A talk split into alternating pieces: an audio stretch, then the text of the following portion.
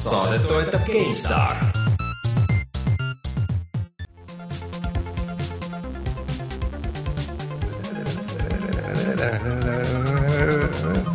puhata ja mängida.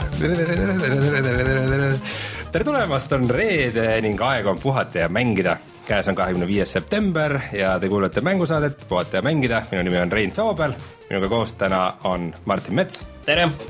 Ja Joosep Uusväli tuntud äh, väga populaarsest Mänguvälja äh, Youtube'i kanalist ja, ja peamiselt praegu tegeled siis Psiode nimelise hääldatakse jah. Psiode, see on nagu Psiode väike hommikusöök. jah, Psiode. vaimne hommikusöök. see iga kord, kui sa Google'isse paned, siis ta pakub episood sulle okei kuidas sul läheb äh, sinu Youtube'i tegemistega? noh, läheb nii nagu ikka Eestis läheb, et vahest vaadatakse ja vahest ei vaadata. ja mm. nii ta on. okei okay., suuri plaane ei ole, millest varsti rääkima peaks äh,? ainuke suur plaan on see, et ma oma ingliskeelsele kanalile Psyode siis äh, olen hakanud nüüd rohkem tegema mašinimaid ehk siis äh, mängu graafikaga äh, siukseid väikseid lühifilme, et vast on üks sihuke asi tulemas äh, minu kanalile. okei okay,, mis mängust, kas seda ka World of Warcraft ikka. World of Warcrafti Machinima või? jah. kui pikk see umbes tuleb? see tuleb paar minutit, mul on seal juba paar tükki olemas, aga need on ka paar minutit ainult, et noh, selle tegemine on ikka suht äh, suur tegemine tegelikult, et aga, aga noh, ma loodan, et on seda väärt okay.. kuigi eelmine video sai ainult kakssada vaatamist, nii et vahet ei ole. okei okay,, aga Machinimate tegemine on üks asi, millest me ei ole tegelikult peaaegu kunagi rääkinud ja mind see tegelikult väga huvitaks, et me sellest pärast natuke pikemalt rääkida. isegi natuke rääkida tõesti. aga kas keegi on nagu puudu täna või? Rainer on äh, puhkusel. Rainer. jaa, üle mitme aasta on ta saanud puhkusele minna.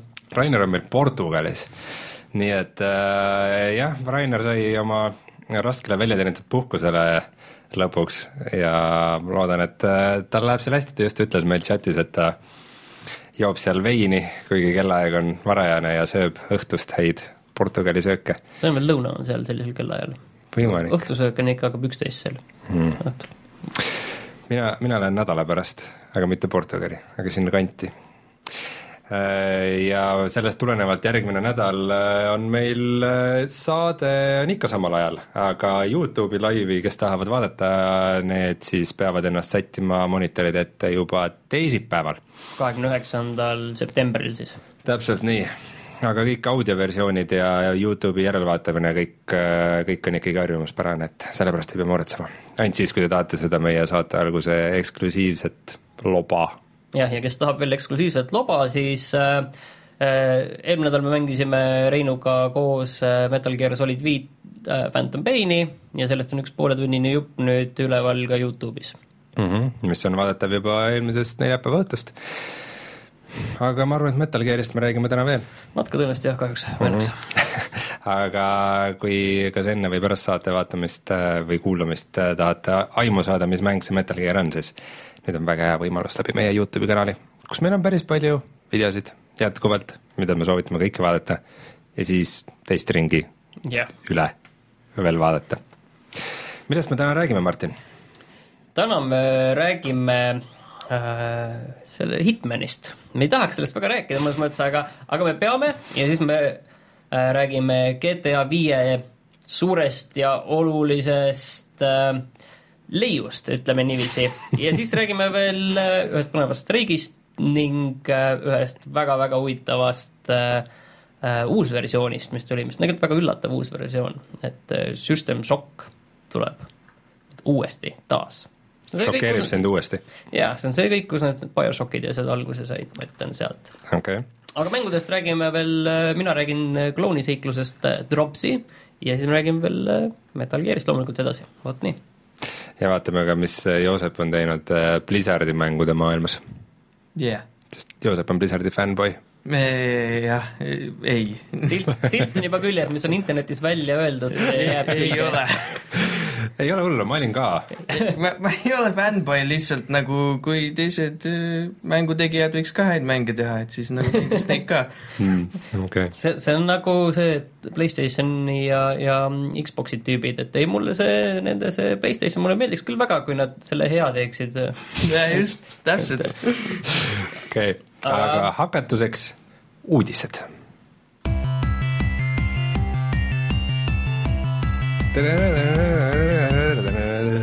Uudised. mis värk selle Hitmaniga siis on, Martin? Ah, uus Hitman, nagu me, me teame, pidi tulema välja detsembris sellel aastal ja pidi tulema välja selliste mitte jumal teab mil-, millena siis, selles mõttes, et ta ei olnud ei episoodiline ega early access, vaid ta pidi olema väike jupp mängust, mille sa ostad täishinnaga ja siis järgmise aasta jooksul tulevad juurde, sinna tuleb nagu lihaga luude peale, et see ülejäänud mäng tuleb järgmise aasta jooksul, et ta on natuke nagu episoodiline, et seal mingi lugu on ja nii edasi aga nüüd igal juhul ütleme, et kuna nad said nii palju puid alla kogu selle jama pärast, siis äh, lükati see mäng edasi järgmise aasta märtsi. mitte, et seal nagu vähe mänge oleks selles ajas, aga okei okay,, märtsi ja nad panevad ka natukene sinna lihaluude peale, et sa alguses ei saa mitte sellist väikest, väikest juppi, vaid sa saad umbes kolmkümmend protsenti mängust. kolmkümmend protsenti saad kohe kätte mängust kas, kas see on nagu avatud maailmaga mäng või? ta ei ole avatud maailmamäng, ta on ikka samasugune, nagu nad on alati olnud, sellised äh, tasemed, aga millega nad nüüd nagu üritasid ka väikest sellist präänikut veel sinna veel juurde panna, on see, et äh, et nad ütlesid, et nende need tasemed on väga-väga suured mm. -hmm. ja seda nad kohe visuaalselt ka näitasid, et äh, kui ma nüüd ei eksi, siis see äh, võrreldes Hitman Absolutioniga, siis äh, uus kõige suurem tase vist on kuus korda sellest suurem või kaksteist või igal tohutult palju suurem, kordades mm., kordades suurem. et, et sellega nad üritavad sind meelitada nagu, et ära ole nii kurb ja et nüüd saad kolmkümmend protsenti mängust kätte ja, ja kogu see see aeg, mille jooksul nüüd ka need lisaasjad tulevad juurde sinna kogu see ülejäänud lugu juurde, siis see on ka nüüd natuke lühem ja ei ole nii hullu tegelikult Joosep, kuidas sulle meeldib oma mänge osta, kas, kas ühe portsuna või, või sulle meeldib, et sa saad sellise kausi, kuhu, kuhu põhja on natukene nagu törtsutatud ja siis vahepeal kulbiga tuleb tädi mööda ja, ja paneb sulle juurde, kui sa talle raha maksad? ei, see tädiga variant on äh, suht kehva. See on juba nagu sama asi, mis early access mängud, et et äh, lubatakse igasuguseid asju, siis ostad ära ja siis äh, lähevad developerid võib-olla minema, aga noh, no vot, see asi, et early access on selles mõttes ikkagi teadlik valik, et ütleme, et sa tead seda riski, et see asi mm -hmm. võib, võib minna kehvasti, sa tead, et sa tegelikult selle rahaga toetad seda arendamist, on ju, et et see asi ei pruugi õnnestuda, et, et sul on nagu noh, ütleme, et vähemalt mõistlik oleks, et sa selle otsuse teed selle järgi, et jah, et ma tean, et ma võin selle raha põhimõtteliselt minema visata mm, -hmm. et aga kui sa ostad kuuekümne euro eest või noh, arvutile võib-olla viiekümne euro eest ostad Hitmani, siis sa ei taha seda teada, et, et võib-olla ma viskan selle minema, mitte early access'i mängu kahekümne euroga. aga inimesed ostavad ju mängudele season pass'e kogu aeg ja see on ju põhimõtteliselt ka, sa maksad midagi eest. ma, ma ütleks, et see, et kui sa ütled sellise kindla lause, et inimesed ostavad season pass'e kogu aeg, siis ma ei ole kindel selle, sellepärast et Ma ei ole- miskipärast keegi neid ju ostab, muidu nad ei teeks ju neid. no tõenäoliselt ostab, aga ma ütlen seda, et ega kuskil väga statistikat mina ei ole kuskil näinud, palju inimesed ostavad season pass'e tegelikult, seda mm. ma ei ole tegelikult kuskil näinud. Et keegi pole ise julgenud ka neid numbreid välja öelda, et näed, ma ei tea, isegi Call of Duty või pakun, et äkki mingi kümnendik, no rohkem? või võib-olla kuskile sinna mm., et ütleme niiviisi, et see on ikkagi selline ma ei usu, et see number on tegelikult nagu väga suur, ma arvan, et see tegelikult see kogu see season pass'i see, see mudel on see, mida nagu üritatakse pressida praegu mm, -hmm. aga sellega, et kas see nagu lõpuni on õigustatud, ma arvan, et keegi ei ole nagu selles iseenesest ka veel nagu sada protsenti kindel. ja seda tegelikult need Hitmani tegijad ütlesid ka juba enne seda, kui nüüd välja tuli, et see edasi lükatakse ja sellest tehakse natukene noh, see, see algus on natukene tummisem, siis öeldi ka, et ei, me tead siin lihtsalt eksperimenteerime ja vaatame, mis saab ja proovime, üks pikem indeks oli, kus ma seda lugesin mm, -hmm. et tegelikult äh, no seal oli näha juba, et nad ise täpselt ei tea, et vaatavad, et mis, mis nagu välja tuleb ja nüüd nad üritavad seda asja minu meelest nagu õigele, õigele rajale suunata, mis põhimõtteliselt on iseenesest muidugi hea, on ju, et see, see variant praegu on parem kui see, mis oli siin eelmisel nädalal, kui me teadsime, et see tuleb välja detsembris Mm -hmm. Et äh, noh, mõnes mõttes see on nagu hea uudis, teistpidi see ei ole nagu piisavalt hea. no samas nad nagu vaata, ega nad päris jalgratast ka ei leia, et, et episoodilisi mänge on varemgi tehtud, et näiteks Walking Dead või Half-Life ma ostsin, jah, sellest ma olen juba rääkinud, ma ostsin selle Half-Life'i season pass'i ja Half-Life kahe season pass'i ja ma ootan ikka seda kolmandat veel. päriselt? No see, see, see ei ole võimalik. Half-Life ikkagi oli nagu omaette mäng tegelikult, selles mõttes, et iga see episood, no episoodid jah, aga Half-Life kaks ise Ja, nagu oli, jah. oli ikka nagu jah, algusest lõpuni nagu mingi story osa oli nagu ära räägitud ja mm Mhm. -hmm. noh, järgmised on nagu seeria järgmine osa nagu sequel nagu järg sellele, aga mm Mhm. -hmm. aga kui, kui sa lihtsalt nagu lased pooliku mängu välja lihtsalt, et ongi poolik mäng, et äh, ma ei tea, osta ära ja või ma, ma luban, ma teen ülemmängu ka nagu see on küll midagi. Ausalt. Jaa, päriselt ka teen. Aga mul tuleb väike déjà vu nagu, nagu suu, suurte levelitega hiilimismäng, kus on palju erinevaid missioone, et kas ma praegu just ei mängi midagi sellist? Ja sina ka?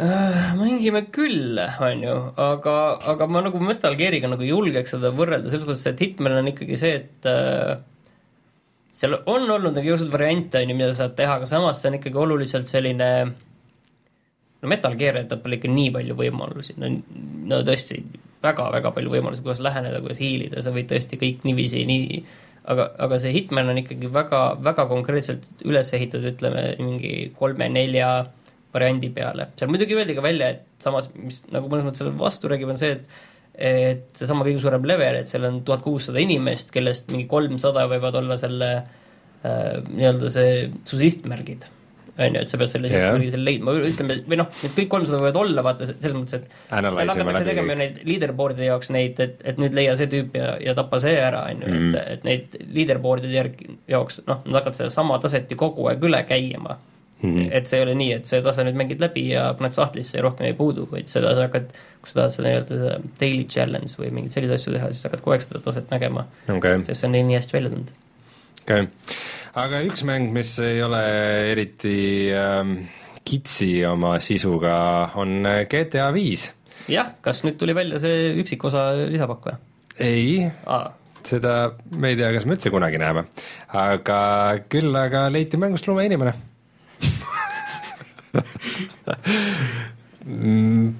ma, vaata see on see, et kui tuli see uute konsoolide ja uute generatsiooni versioon, siis äh, tuli ka see director's mode ja, ja siis on nagu väiksed äh, missioonid, kus sa leiad äh, peyote kaktuse, sööd selle ära, näed hallutsinatsioone ja nende käigus muutud mingiks loomaks. ja mängus oli kakskümmend üks looma, aga mäng ütles, et tegelikult on kakskümmend kaks. ja siis selle peale üks tegelane väga agressiivselt võttis mängukoodi lahti, datamainis seda ja leidis, et teisipäeva õhtuti kindlal kellaajal uduse ilmaga mingis kindlas kohas on võimalik leida üks kaktus, millega sa saad omale lumeinimese. ja kas sa saad mängida, saad kollektsiooni. temana nagu mängida või? ei, sa saad äh,, sa teed missiooni ära selle lumeinimesena, ma ei ole kunagi ühtegi neid loomamissioone teinud, ma ei tea, mis seal täpselt toimub. aga siis pärast on see sul seal director's mode'is, kus sa saad ükskõik mis tegelase võtta, kellega mm -hmm. mängida. Ja siis sa võid võtta selle lumeinimese ja sõita autodega ringi ja peksta inimesi ja loomi ja tulistada ja nagu ikka GTA viies see on siis selline vihje selle Red Dead Redemptionile või, kus oli ka lumeinimene, väga traagiline kõrvallugu oli seal. jah, nagu, nagu oluline asi loo juures või? no ütleme, see on üks meeldejäävamaid asju mõnes mõttes sealt, et selline huvitavalt lahendatud lumeinimese case oli seal. Et äh, see oli seal hästi tehtud, et ma mõtlen, et võib-olla see on Rockstaril kuidagi sellega seotud. mm, võib-olla, aga lumeinimese legendid on kaua aega ringi käinud ja nüüdsest tuli välja, et see lumeinimene mängukoodis on olemas. See on lahe, kui nagu nii, nii, nii suures mängus nagu GTA viis saab miski olla nii kauaks saladus. jah, et see on päris huvi- huvitav ongi, et kui kaua näiteks, mis, vot see ongi nagu halb, see, sa võtad selle koodi lahti ja uurid, uuritakse välja mm. -hmm. et, et sama, samamoodi arvatakse, et noh, et, et mis on veel, palju seal Metal Gear Solid viies veel on mingeid saladusi või asju eh, peidus, et eh, et seal juba üks lõpp nagu eh, leiti üles, millest me just korraks ka eelmine, eelmine kord rääkisime, et eh, et kui kõik oma tuumapommid kahjutuks teevad, siis tuleb üks eh, special lõpp veel, aga seda on noh, seda on nagu nii võimalik ka teha, kuna see on äh, nagu mitmikmängu osa, kus sa, kus sa noh, enda e, su baas jääb kaitsetuks selle võrra mm. -hmm. või noh, üks tüüp peab kõik, kõik äh, maailma tuumapommid enda kätte saame ja või, või kõik koos see, ütleme noh, see on see Kojima, see tuumapommi teema on nagu mitmes mängus nagu väga oluline olnud ja selline tuuma tuumajõudude vahekord või selline deterrence, et, et, et tasakaal valitseks ja kogu see teema on nagu tegelikult äh, Peace Walkeris oli veel eriti selline äh, oluline teema see et see on nagu selgelt selline väga oluline Kojima selline nagu katse vaadata, et kas inimesed kõik, et kas nad oleks nõus seda tegema, kas või lihtsalt sellepärast, et see lõpp tuleks või maailmarahu. et äh, kõik tuumapommid kahjutuks teha. Ma arvan, et see on sotsiaalne eksperiment, mis ei õnnestu. ma kardan ka. aga mm, räägime nüüd hoopis millestki veidi teistsugusest, et äh, paljudel tegelastel mängudes on hääled ja üllatus-üllatus, neid hääli peab keegi tegema. nii peab keegi samamoodi nagu meie istume siin praegu mikrofonide taga, peab keegi kuskil putkas istuma mikri taga ja lugema sisse kõik tegelaste hääled ja ja need inimesed, need näitlejad, kes sellega tegelevad äh, igapäevaselt, arvavad, et äh, neid ei väärtustata piisavalt ja vaikselt äh, kogub hoogu videomängu häälnäitlejate streik. no millega nad siis Toompeale tulevad? traktoritega nad ei tule, millega nad tulevad? häälepaeltega. häälepael, kõigil on käes need no, tahaks seda pilti näha juba. aga ja seal noh, põhimõtteliselt veel see lugu on niisuguses algusjärgus, sealt võib veel midagi tulla. no suurim oht tegelikult, noh, ütleme, et see ei hakka aga streikima midagi, suurim oht on lihtsalt see, et et mingid mängud võivad oluliselt edasi lükkuda mm. -hmm. on, on, on, siin oli ju see, mõned aastad tagasi oli, kus oli äh, seriaali stsenaristide streik yeah. oli jah, mis lükkas mitmed mõned seriaalid lihtsalt terve hooaeg pandi cancel'isse ja, ja mõned olid ju neli, neli osa tuli terve hooaja peale. mõned lõpetati vist üldse ära ja no ma vaatan, et mõttekam on lihtsalt pillid kotti panna selle seriaaliga mm. ja see oli ikkagi päris selline laialdane, et siin mõnes mõttes võib olla samasugune asi, oleneb lihtsalt, et kui, kui laiaks see läheb, et praegu on lihtsalt see, et äh, kogub hoogu ja noh, teine no. variant on alati see, et Nolan North teeb kõik ise ära vot see ongi see, et äh, temale künda. mitmed äh, tuntud näitlejad on sellega juba teatanud, et nad liitusid või noh, põhimõtteliselt on valmis liituma selle streigiga, kui see asjaks läheb, aga aga ma ei näinud nende nimede seas Troy Bakerit ja Nolan Northi. Ehk siis niikaua, kui need kaks kõik, kõik asjad ära teevad, nii kaua on, põhimõtteliselt see otsustabki streigi saatuse, kas need mm. kaks hakkavad streikima või iga hääl on nemad kaks. No.. üks mäng on ja terve, mõtle Kenny Witcheris ringi, kõik hääled on nemad kaks. Ma ei imestaks. ei, nüüd on see soovitus, et kui sa tõesti tahad mingit mängu eeltellida, siis vaata, kes seal häälnäitleja on, kui seal on Nolan North või Troy Baker, siis tead, et võid tellida küll, et siis tuleb välja. Mm. Nemad saavad piisavalt raha, et või ütleme, et nad ei saa piisavalt palju raha, et nad teevad nii palju tööd, et neil on nii palju projekte. aga iseenesest ma arvan, noh, me ei ole siin, me oleme üsna ühekülgset infot näinud selle, selle kogu asja kohta, aga põhimõtteliselt ilmselt on küll praegu niisugune hetk, kus see videomängutööstus kasvab ja nagu see ongi see, et alguses, kui sa teed mingid mõned mängud ja asjad, siis see on niisugune lahe, niisugune pool hobi, tore, et mingit raha saab üldse, aga siis, kui inimesed juba nagu oma karjäärid sellele üles ehitavad, siis, äh, siis järsku muutuvad igasugused asjad olulisemaks, et ma arvan, et üldjoontes on see mõistlik. proovi siis tagasi minna kuskile teleseriaali või, või filmi. igav on, igav lihtsalt. mõt-, ma mingi hetk mõtlesin, et kuradi palju on, on mängudes hääl näitlemist, et näiteks noh, okei okay,, Metal Gearis selle Kiefer Sutherlandi häält sa kuuled ikka väga harva.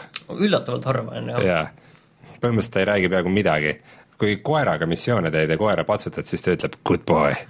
muud, muud ei ole peaaegu midagi. mulle tundub, et seal on päris palju ka sellise, selle kahekümne nelja mingit taaskasutatud lause, päris palju kokku lõigatud. kokku lõigatud, good dog, duck. Good boy aga, aga näiteks see Ocelot, tema ju räägib kogu aeg sulle kõrva mõtle, kui palju ta no Ocelot oli siis ka Troy Baker ei olnud. oli, ei olnud või? oli või? noh. ei olnud, oli või? oli. ei, minu meelest, ei, ma ei ole kindel, ei võib-olla ei olnud ka, okei okay. aga igatahes nagu see on ikka märksa rohkem teksti, kui, kui ma arvan, mingil ühel näitlejal võiks olla terve mingi sarja hooaja jooksul. ma julgen täitsa öelda seda. Jaa.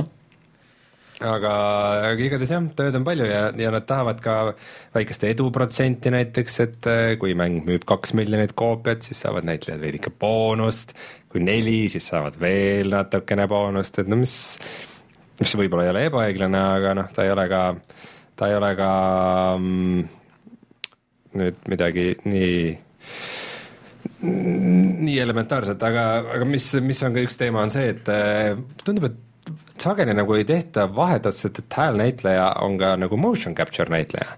et äh, põhimõtteliselt, et äh, et aa, et sa tuled meile häält tegema sellele tegelasele, aga see tähendab ka seda, et sa pead nüüd selle halli liibuka ülikonna selga panema ja siin kuskilt no alati ei äh, tähenda, alati ei tähenda, sama Metal Gearis näiteks on kõik eri, erinev mm,. aga.... aga, ega see ei ole, see oli Kiefer Sutherland ei näe välja Big Boss. aga näiteks äh, see ei ole üldse reglementeeritud, et sa võid näiteks äh, seal viga saada ja sul ei ole mingeid neid mm, stunt coordinator'id on need inimesed, kes peaks nagu juhendama seda. et ühesõnaga, see kõik on hea, sest et Ocelot on Troy Troy Baker ju. ongi Jah. sa pole vaadanud neid ta on vist odav. jaa, aga ta, sa pole vaadanud neid äh, tiitreid iga osa alguses või? olen, aga seal ei ole näitlejaid. seal on nagu tegelaste nimed lihtsalt, tegelaste nimed. mis on eriti imelik. lõpus ei ole või? Ma ei ole jõudnud lõpuni. ei, ei tiitrite lõpus, lõputiitrite iga missiooni lõpus, seal äkki on, okei Need, ma, need ma skip in alati. okei, mul ka suhteliselt jah, aga okei okay,, liigume edasi. ühesõnaga, minu meelest on see hea. aga, aga sega, segane jutt, aga minu meelest on see põhimõtteliselt hea. no, no ütleme niiviisi lihtsalt, et siin mõned asjad on ohus, aga, aga me saame näha, kui ohus nad on. okei okay,, aga sina tahad rääkida nüüd veidikene, nüüd on siis sinu nostalgia hetk, et nüüd äh, Rainer ei ole siin oma Nintendo jutuga meid äh, kurnamas, et äh, sina tahad rääkida nüüd System Shockist ja Age of Mythologyst. Äh, eelkõige System Shockist, et sellel tuli nüüd välja see kakskümmend üks aastat pärast seda, kui see originaalis välja tuli. mõnes mõttes see System Shock täiesti leiutas ikkagi uue žanri, et äh, selline action rollikas, mille järel tuli see System Shock kaks. Ja selles mõttes noh, FPS rollikas, ütleme sel-, see selline noh, action rollikaid on muid ka veel, aga, aga just selline kus sul on mingid ka oskused, sa võtad sellise tuumi, jooksed ringi, sul on relv käes, aga sul on ka mingid, mingid oskused, kuidagi need loevad. Ja, ja, ja see oli noh, mina ei ole seda mänginud, System Shock äh, ühte läbi. et äh, see ma olen mänginud selle mingit veidrat seda nagu shareware või mingit versiooni, kus on mingi väike jupikene sellest mängust sul, aga ma ei ole seda tervet kunagi mänginud, selle vastu mul kindlasti kindlasti ikka väga suur huvi ja, ja seal on noh, loomulikult see, kuna see on, see ei ole mingi eriti tõsine nii-öelda remake, vaid pigem see on selline mingi remaster ikkagi, et ta on selline väike selline natukene kohendatud kõrgemad eraldusvõimed äh, ja siis hiirt saab ka kasutada, et see oli nii vana mäng, et seal ei saanud hiirtki veel hiirega vaadata. põhimõtteliselt see oli vana hea keyboard turning. jah. ei, mina olen mänginud System Shock kahte ja see on kindlasti üks mu lemmikmänge läbi aegade, et see on üks, üks olulisemaid mänge ka ütleme sellises äh, mänguarenduse ja sellises võtmes, kus asjad nagu mõnes mõttes väga palju muutusid. Ka nii-öelda nii loo jutustamise koha pealt, kus kõik alguse sai, kõik need äh, logid, mis said üles, kuulatavad logid, kus said alguse näiteks sealt, et Neid ma pole kunagi väga armastanud, aga see selleks. Doom kolm on näiteks mäng, mis tegi seda väga halvasti, aga okei okay,, see on hästi oluline mäng nagu niisugusest nagu noh, ülemineku või ajaloolisest perspektiivist, aga kas ta tänapäeval mängida kannatab? Äh, ta tõenäoliselt ei ole väga lihtne, ma arvan, et ta ei ole väga lihtne, kuna ta on ikkagi, näeb selline jõhkralt piksline välja ja, ja seal isegi ei ole full HD-d, seal oli vist umbes HD oli kõige kõrgem eraldusvõime vist, et et ta kindlasti eeldab ikkagi veidike sellist tahtmist seda mängida, mitte mm. see, et see mäng mängib ise, ise ja sina vaatad, vaid see on ikkagi see, et sa, sa pead tahtma seda mängida. aga selle eest see on odav, see on seitse eurot koogis okei okay., ja Age of Mythology, mis kunagi Age of Empiresil ma olin suur fänn ja, ja siis mingid aastaid läksid mööda ja siis ma avastasin, et on väljas selline asi nagu tuli kuskil kaks tuhat sealkandis minu meelest mälu järgi kaks tuhat üks, kaks tuhat kaks. Age of Mythology tuli välja ja ma vaatasin seda kaarti seal, kui esimene missioon, see on samasugune reaalaja strateegia ja siis ma vaatan seda esimest kaarti, kuidas merest tuleb laine ranna peale, see oli uskumatu. nii ilus. See oli nii ilus tõesti. kas tõesti, kas tõesti minu koduarvuti on nii kas ilus? tõesti minu koduarvutis on sellised lained ja olidki, et, et see oli uhke vaatepilt. aga mängitavuselt oli väga-väga sarnane ikka kogu selle Age of Empiresile. aga uudis on nüüd see, et sellele tehakse lisapakki. et äh, kolmteist aastat öeldi, kolmteist aastat jah, pärast mängu väljatulekut, siis kaks tuhat kaks see tuli aga. kogu see aeg on tehtud? ei, ei loomulikult eh, nähti vaeva, ei nüüd hoopis teine stuudio seda teeb ja see seesama stuudio, kes on siin teinud eh, need uusversioonid nendest eh, Age of Empires ühest, kahest. aga Age of Mythology'st on ka uus versioon olemas? ei, minu teada ei ole kas. sa mõtled seda HD edition'it Age of Empires'ist või? jah, kes selle tegi, selle HD versiooni aa, see sakib. see, ta muidu single player'is töötab äh, täitsa ilusti, aga kui sa üritad connect ida läbi interneti, siis see networking on täielik jama, see ma olen proovinud mitu korda seda sõpradega mängida, kunagi ei ühenda ära. hmm.. mis on nõme, sest et see just oligi selle mõte, et Jaa, oli õige see. Steam'i tugi, vaata., kergem on mängida seda vana versiooni ja kasutada mingeid programme, mis nagu enhance ivad seda kõike. okay.. nii et äh, ja ma, ma ei soovita kellelgi osta seda, seda HD edition'it. oota, aga aga nüüd Age of Mythology'ga mul jääb segaseks, et kas sellest eh, koos selle expansion'iga tuleb siis nagu Age of Mythology mingisugune uus versioon ka või ei, sellest ma kõrvutan, ma saan aru, et see tuleb lihtsalt lisapakk sellele. hmm,? aga kas see üldse Mängid. töötab enam nendel uu- uuematel masinatel? sest see on no, ikka väga vana loogiline mäng. oleks tegelikult, kui tuleb mingi vähemalt see, et kohendatakse seal eraldusvõimeid ja asju, et mingi selline väike facelift võiks Mhm. tulla. no uh, Steamworks integration Twitch support Observer mode nat-, native HD widescreen uh,. jah, ilmselt sama asi, mis äh, Age of no Empires kuna sama tegija ka. loodetavasti ikkagi paremini. mina muide tegin Age of Mythology läbi, mulle ka väga meeldis see mäng. ta oli üks esimesi, vaata, mis, kus sul olid ka niisugused nagu mingid ability'd Jah., mis sul on nagu ekraanil, mis hiljem nagu mingite uh, see, mm, Company of Heroes'te ja nagu selliste äh, mängudega ja Command and Conqueridega sai üsna tavaliseks, aga just Jah. see, et sul on mingid lahedad mingid ability'd, mida sa saad originaalis tuli seal ainult üks lisapakk, Titans, äkki oli nimi Titans mm. -hmm. selle ma igal tegin ka läbi. see mulle ikka omal ajal väga meeldis, aga see oli kõik muidugi suhteliselt üksik mäng, mida ma mängisin, sellepärast mm. et kui ma läksin nendes mängudes läksin võrku mängima, siis ma seal ehitasin rahulikult oma karjalautasid ja farme ja ja siis tulid mingid äh, tüübid endal äh, kullast hobuste ja jumal teab millega, mida oli sada tükki ja lihtsalt äh, pühkisid mind lihtsalt maa mul alt, et äh, see, see mäng nagu lõppes nagu alati, alati ühtemoodi, ütleme niiviisi. Mhm. et ma ei tea, kuidas nad seda tegid. okei, aga mm, sa, sina oled isegi natukene sõna võtnud sel teemal, et äh, et läpakate äh, graafikakaardid ei ole väga head äh,. Võrreldes millega? et, et kui sul on alati, ütleme, et sul on mingi, mingi äge mingisugune mudel näiteks, no võtame üheksasada seitsekümmend, et sul on GTX, Nvidia Geforce GTX üheksasada seitsekümmend ja siis, kui see on üheksasada seitsekümmend M, siis ta tegelikult ei ole see üheksasada seitsekümmend, vaid ta on mingi üheksasada viiskümmend. ei no selles mõttes, et ta, ta on ikkagi numbri poolest ja tehnoloogia on seal sees sama, aga sa lihtsalt seda jõudlust, üldiselt nagu see, seda jõudlust ei saa sinna sisse panna, sellepärast et eh, noh, üks kõige lihtsamaid asju on lihtsalt see, et et seda sooja eralduvust on nagu võimatu teha, et sa võid selle ju selle sinna lõpakasse kas või sul endal, sa võid sinna panna selle suure kaardi, noh, kaart on suur, on ju, seal on suur juba see kiip on ise niivõrd suur, ütleme, et kakskümmend viis, kolmkümmend ruutsentimeetrit suur ja see ja, ja et see veel, vaata, mis ventikad seal peal on, mõnel on kolm tükki, et äh, pluss veel kogu ko- suur korpus, kus saab seda sooja, sooja on ju noh, põhimõtteliselt noh, teoorias saab sinna panna on ju suure mm selle graafikkaardi, aga re reaalselt see on nagu alati nagu üs üsna nagu mõttetu olnud. aga nüüd uudis on lihtsalt selles, et äh, GTX üheksasada kaheksakümmend on nüüd ka läpakates, mitte üheksasada kaheksakümmend, M on iseenesest jah, juba tükk aega olnud läpakates. aga nüüd saab ka üheksasada kaheksakümmend et jah, sama, mis iseenesest on äh,, kõlab nagu minu jaoks ääretult uskumatult, aga samas paistab, et sellega on hakkama saanud, saadud. ja muidugi noh, see natukene maksab. palju ta maksab? kui ma ei eksi, siis see oli vist naelades oli ta kuussada naela. Mis noh, mõnes mõttes no üheksasada kaheksakümmend, ma arvan, et minu oma maksaski midagi No, suurusjärgus kuussada eurot. ja ikkagi eurot, seal vahe on no ikkagi üks koma neli või midagi sellist. aa, nii suur lausa või? naelakurss on siin kõva. et, et aga noh, point ongi see, et et ta on nagu absoluutselt võrreldav selle äh, lauaarvuti üheksasada kaheksakümne jõudlusega, mis on väga üllatav. miks sa arvad, miks siis need läpakad ei lähe põlema ja ära ei sula, kuhu nad sisse paned selle?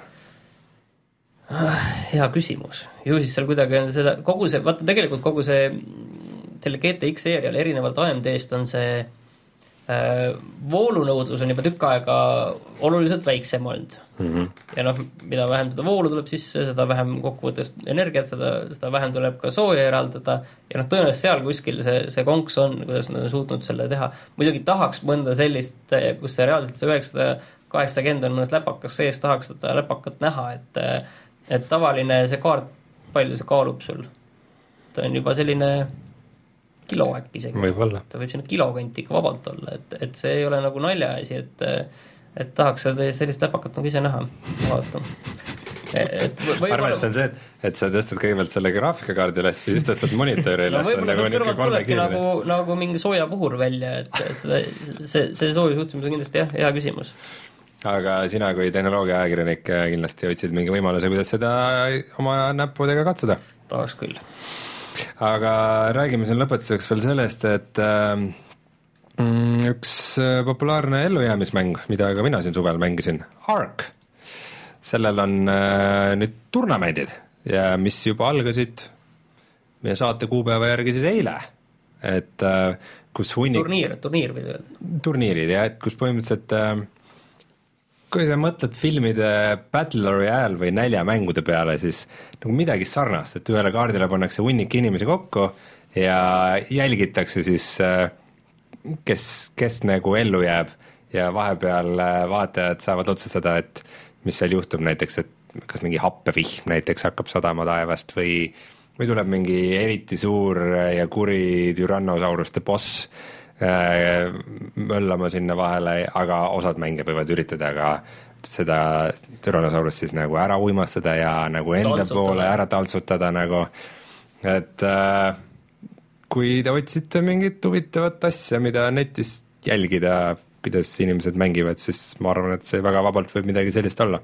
aga lisame ühe Nintendo uudise ka ikka siia, et tegelikult okay., tegelikult see on äh, päris oluline, et Star Fox Zero, et see on selline kosmoseshooter, see on suhteliselt legendaarne sari ka, et see lükkub samamoodi edasi järgmisesse aastasse, mis pidi välja tulema sel sügisel, samamoodi nagu see Wii U Zelda, et see on kaks suurt olulist, tegelikult noh, kolm suurt olulist Wii U mängu oli minu meelest sellel sügisel, et see Mario Maker tuli juba välja, aga Zelda ja, ja Star Fox Zero on mõlemad siis edasi lükatud järgmisesse aastasse, mis tegelikult, arvestades seda, et just tuli ka uudis veel selle kohta, et Nintendo on veel mingi patendi võtnud mingile sellele samasugusele nagu Wii U tahvel on selline tahvli, aga seal pöidlakangide peal, mis seal on, seal on hoopis rullikud.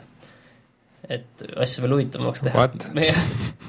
vähemalt ma sain nii aru, aga et, et võimalik, et need mängud ikkagi tõstetakse edasi mingile järgmisele konsoolile, ükskõik, kas see on NX siis või on see Wii U mingi refresh, et koos selle Wii U refresh'iga välja tuua sellised suured mängud, et need kuulujutud nüüd said nagu kõvasti hoogu juurde. Hmm..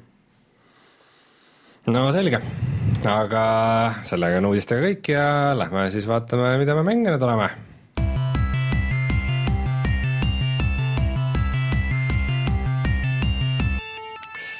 Joosep mina tahan selle uudiste otsa kohe küsida su käest, miks sa Arki ei mängi? sellepärast, et see maksab liiga palju. mäng ise? jaa kakskümmend eurot ja, ja see on jälle early access mäng hmm.. mul juba on Rust, mul juba on, äh, on see esimene DayZ, ma teist enam ei ostnud, sellepärast et kuule, seda oli näha, et see ei lähe kuhugi niikuinii mm. -hmm. ja siis mul on, ma ei tea, mul on nii palju neid early access mängu, mänge, mis on kõik ühesugused, et mm -hmm sind visatakse mäpi peale ja nüüd hakka ellu jääma. et äh, Forest tuleb mulle meelde kohe esimese asjana. jaa, Forest on üks nendest. üks oli see mingi, kus sa oled üksikul saarel või kuskil, noh, kõikides ainuke mäng, mis on valmis saanud, mis on niisugune äh, äh, ellujäämismäng, on no, siiamaani äh, ainult Don't Starve no ütleme, et see on, äh, nagu ma ütlesin just enne, äh, Early Access'i paratamatus. väike risk, mille sa võtad. samas seal on muidugi see, see haibi teema on alati nagu, mida me ütlesime ka alguses Argi juures rääkisime, et et inimesed on ikka nagu selline ritsikaparv, et kui nad jooksevad selle rasti peale ja siis nad mm -hmm. jooksevad teisi juurde, ma ei tea palju, kindlasti on sinna nagu jäänud, jäänud oluline hulk inimesi. aga nad ikka jooksevad selle rasti peale ja siis argi peale ja, ja see ongi, et sa ei tea, et kas ma peaks selle võtma, tundub nagu äge, aga võib-olla see ritsike paar vomme liigub juba edasi, ma ei tea, mingi muu uue asja peale. ja see siis on, oled selle oma mänguga üksi seal ja see liigubki keegi ei arenda ka sellega, enam ja et mis parajasti Twitch'is nagu populaarne on, seda mängitakse ja ongi kõik. ja nüüd on äh, see Layers of Fear on nüüd uus asi, mis on äh, väga popp, kõik vist mängivad selline õudukas, Layers of fe- Fear, jah seda ma pole kuulnudki. mida teeb ükskõik üks Poola arendaja muide, kes enne tegi mingit multika tüüpi mänge, aga nüüd tundub selline väga selline visuaalne õudukas, selline hmm.. uurige. aga muidugi meil ei, õudusmängudest rääkides meil jäi mainimata, et Soma tuli välja. seda sina, ja Destiny Taken King tuli välja õudusmängudest rääkides ei, õudusmäng, mitte õudne mäng. et, et Sooma jah, ja, ja selline tagasiside on olnud väga positiivne mm., et mina kavatsen kindlasti mängida. et sellest nagu Mm, sulle loopõhised mängud meeldivad, mina, no me räägime sellest, mis ma teen, ma ei teagi. aga, aga miskipärast mulle tundub, et äh, Joosep, sulle võiks Ark ikkagi sobida, kuigi ma saan aru, et noh, sa oled neid survival mänge nii palju mänginud, aga see on niisugune väike segu Minecraftist ja nagu Don't Starve'ist ja kõigest sellest Ta ja samas ta on nagu veidi MMO, ta on pigem lihtsalt nagu Rust äh, koos dinosaurustega. sest Rustis sa saad ka kõike seda teha, mis sa seal saad teha, ainult et seal on dinosaurused ja ongi kõik. sult vahet ei olegi. okay., ja noh, me teame, mis Rustiga juhtus, on ju, nad ikka teevad seda nüüd uut versiooni. Natuke nad on, nad ju vahepeal scrap isid kõik, mis nad varem tegid ja alustasid uuesti nii-öelda. ja, ja okay. nüüd nad on jõudnud sellega nii kaugele, et see on umbes sama hea, kui oli eelmine versioon. ja, ja aga sa ei pea seda uuesti ost-, ostma nagu? ei, ei, Ei. ikka sama, sama litsentsi alusel? see oleks veel eriti kaval. jah, ja siis, siis ma arvan, et keegi ei, ei, ei ostaks Rusti enam ega mängiks seda, aga aga mida sa siis mängid? Eh, mina mängin praegu Heroes of the Stormi ja siis ka World of Warcrafti mm. -hmm. ja ka Warcraft kahte. ma hakkasin just mõtlema, et keegi mängib World of Warcrafti, mõtlesin, et kas see uus lisapakk äh, Legion on siis väljas, aga ei ole, on ju. ei ole veel, see ei ole. tuleb novembris. keegi ei tea. keegi ei ole, ei ole öeldud jah, välja Jaa. kuupäeva. tavaliselt On nad tulevad öeldud- novembris, tavaliselt on tulnud vist novembris. see ilmselt ei tule novembris äh,. novembris tuleb ilmselt Starcraft. beeta alles välja ma mõtlen, et kui Starcrafti uus episood tuleb, siis nad tavaliselt nagu koos päris ei launch'i oma mängu. ja see tuleb ilmselt järgmine aasta millalgi, sellepärast et äh, Päriselt? nad alles, jah, see, ma mõtlen äh, Warcrafti Legion mm. -hmm. jah, see tuleb ilmselt järgmine aasta. aga ma mõtlesin, et see oli neil nüüd kindel plaan, et iga aasta umbes samal ajal välja törtsutada neid. jaa, aga nad ei saa kohe kindlasti hakkama sellega. iga expansion on aina vähem asju olnud ju expansionis, nii et eh, ma ei tea. Ja nad on selle story ka mängus nii nagu pea peale pööranud, et eh, kes teab, mis sealt saab. on natukene ennast nurka kirjutanud. jaa, jaa, nüüd ongi ju see, et nad tapsid eh, Burning Crusade'i Sillidani ära ja nüüd nad, nüüd nad elustavad ta lihtsalt. sest et ajarännakud. jah, jah, just, Gul'dan tuleb minevikust ja siis äratab kristalli sees oleva Illidani üles. mis asja nagu, seda on jah alati nagu iseenesest nagu selline odav lahendus, et meil on siin nagu sellised teada-tuntud tegelased olemas ja alati oleks lihtsam nagu nendega edasi minna, kui hakata siia nüüd uusi tegelasi sisse tooma ja asja keeruliseks tegema. ma arvan, et kui mina Wo- World of Warcrafti mängisin, ma väga nautisin seda story maailma, naud-, nagu Warcrafti strateegiamängudest saadik mm -hmm. nagu väga meeldinud see. mul hakkas jubedasti närvidele käima see, et nagu, nagu üks hetk, see on niisugune nagu paigal tammumine, see nagu, see lugu ei läinud kuhugi edasi. et äh, ma ei tea, kas seal nendest tuntud tüüpidest nagu, nagu WoW-i ähm, jutt, nagu selle loo käigus, kas keegi neist nagu surma ka sai, Artas sai surma? Aadates on surnud kõik, kõik nagu need ägedad tüübid äh,, tähendab Aa. esimene expansion tapeti kõik ära, nagu Keltas äh,, Illidan äh,, siis Lady Vash kõik, kõik põhimõtteliselt, kes nagu Frozen Throne'i lõpus olid Outlandis mm, -hmm. kõik need peategelased said surma. ja seal Okei. ongi see viga, nad tapsid ühe expansioniga kõik oma ägedad tüübid ära ja siis kuhu nad edasi lähevad, on ju. no et see on viimane. siis, siis nad eh, lõpuks jõudsid Artasini, onju, tapsid tema ära ja, ja siis oligi see, et okei okay,, Deathwing ja Cataclysm ja, ja päriselt ka see on teema. ja siis, ja siis peale Cataclysmi oli siis see Pandaland ja nüüd, nüüd läksime ajast tagasi, et ägedad tegelased tagasi tuleks, aga nüüd me lähme uuesti ajast edasi, et siis Gul'dan äh, elustab vanad tegelased, mis me ära tapsime, uuesti ellu, et et võidelda teemonitega, kelle okei, me nüüd läks, peksime nüüd läks veidi läbi. segaseks. just aga täpselt. Joosep, mida sa teed seal mängus siis, kui sul nagu lugu sind ei köida niivõrd? ausalt öeldes äh, siis, kui nad äh, kuulutasid välja selle expansioni, kus me läheme ajas tagasi Mhm. äh,, mulle ei meeldi kunagi, kui nagu ajas rändamise teema tuleb mingisse loosse, aga noh, see tähendab seda, et nagu põhimõtteliselt sai, teemad said otsa. jaa, just, see tähendab, et teemad said otsa ja ühtegi head ajas rändamise lugu ei ole mm. -hmm. sest kõik, kõik on plot hole'e täis ja ma peksan mikrofoni. aga igatahes äh, asi on selles, et äh, vaatasin seda, et noh, äge, ma saan Warcrafti aja, kahe aega tagasi minna ja saan vaadata nagu, kuidas orkide poolel nagu asjad toimusid Mm -hmm. aga noh, muidugi see expansion oli niisugune, nagu ta oli, et noh, esimesed kaks kuud oli midagi teha ja siis oli nagu okei okay,, ma teen kõiki samu asju, aga praegu, miks ma subs-, subscription'i võtsin, oli kaks põhimõttelist asja, oli see, et üks asi oli see, et ma sain kulla asjade osta. et sa ei pea enam raha maksma. jah, ma ei pea raha. maksma, sest las ta olla siis, on ju.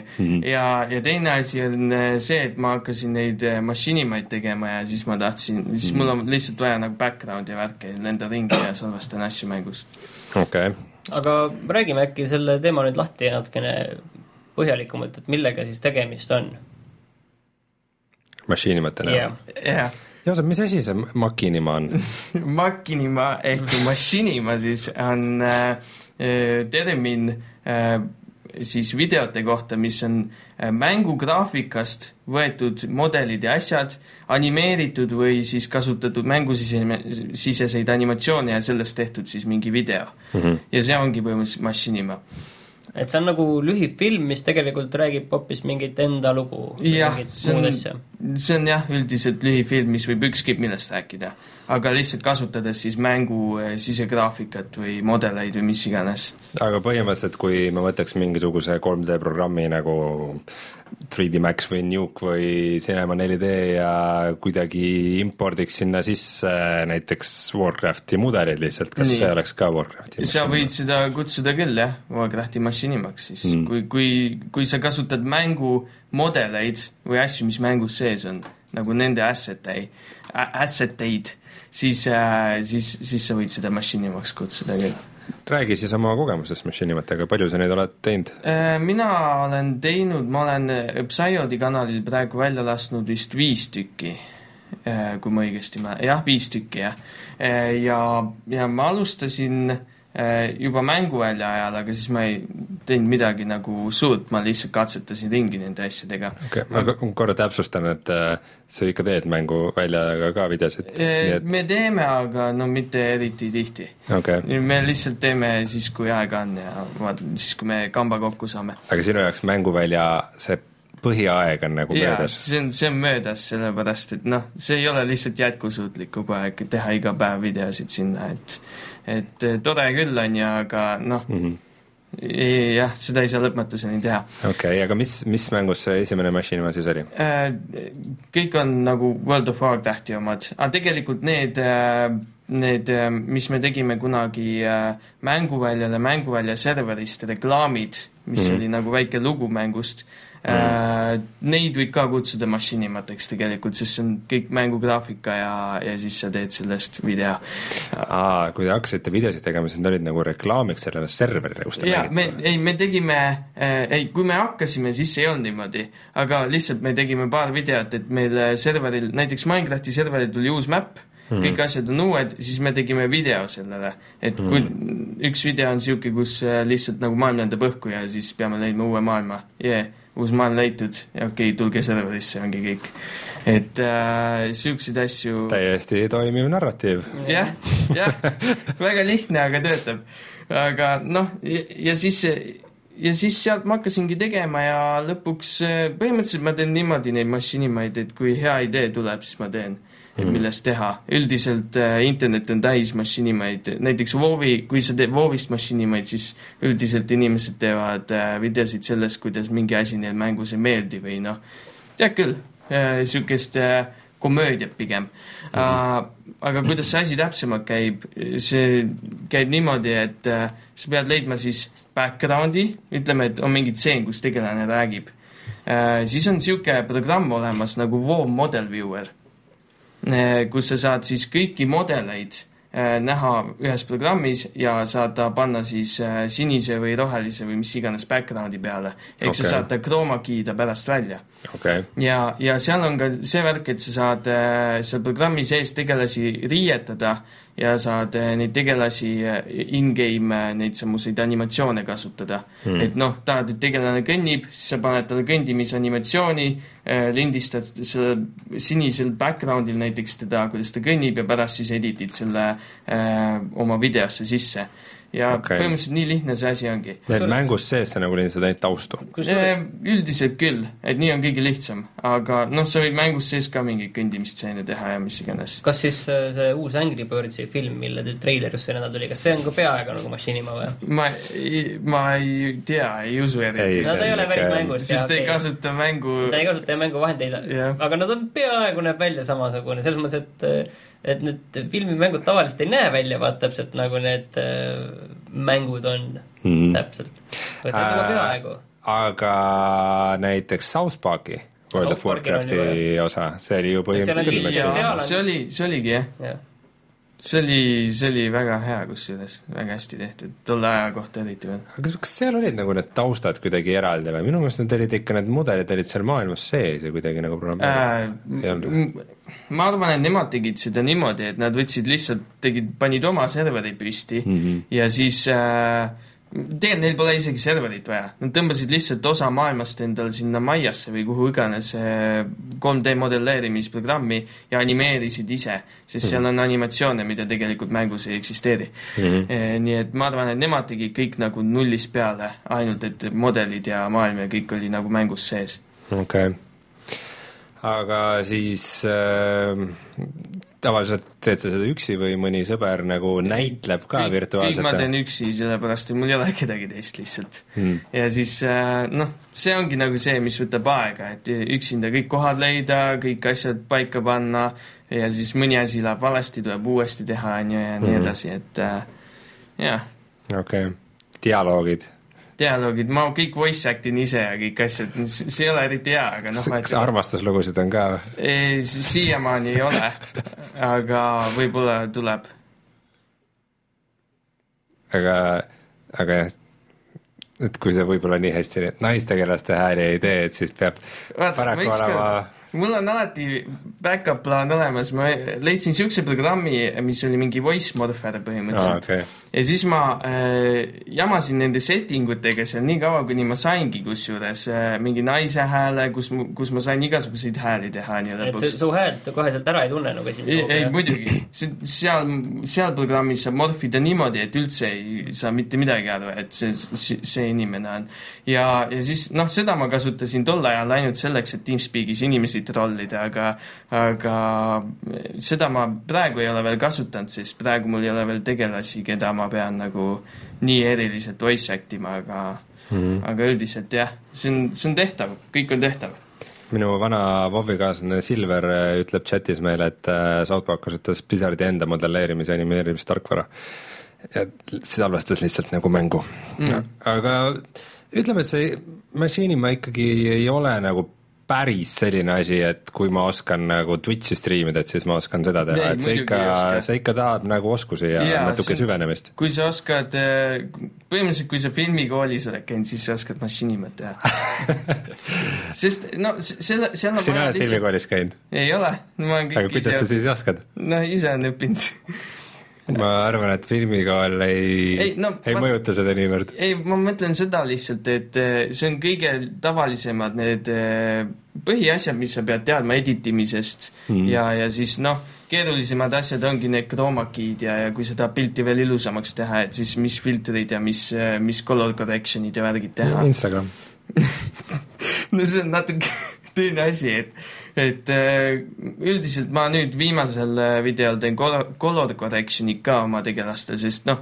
kui sa chroma key'ta välja mm, -hmm. aga lighting on teistsugune, nagu valgus on nagu map'is hoopis teistsugune, siis ta nagu ei, näeb suht kehv välja, et siis, siis peab nagu natuke muutma neid asju, siis Äh, varjud, oh need käivad täiega pinda. ma teen üldiselt niimoodi, et äh, ma lihtsalt panen musta niisuguse ringi, mis äh, on federitud out'i, on ju. Mhm. ja, ja siis äh,, siis see on nagu vari.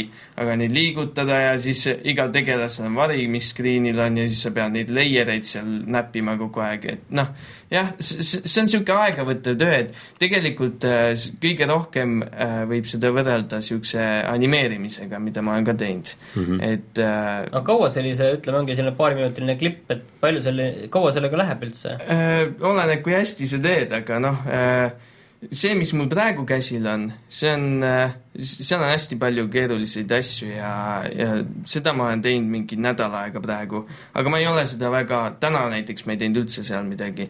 aga ütleme niimoodi, et kui sa kogu aeg töötad, ütleme noh, kümme, kümme tundi päevas töötad selle kallal, siis eh, kolme päevaga sa saad välja teha mm. -hmm. ja nagu kui hakkad skripti kirjutama ja kolme päevaga peaks sul see valmis olema okei okay., aga mm, kas sa ei ole mõelnud, noh, vaata mängu, mängutegijatel üldiselt nagu meeldib, kui nende maailmates tehakse mašinimaid yeah., et äh, paljud ju on ka igasuguseid tööriistu selle jaoks välja andnud mm, -hmm. et kõige kõige märkimisväärsemana tulebki meelde Source Filmmaker ehk siis yeah. ähm, Valve, kes siis on Steam'i ja Half-Life'i ja Team Fortressi asjade taga, et need, need, nemad lasid välja lausa nagu oma programmi, millega saab teha põhimõtteliselt 3D animatsioone ja kus on kõik nende äh, nende mängude mudelid ja asjad on võimalik sisse tõmmata.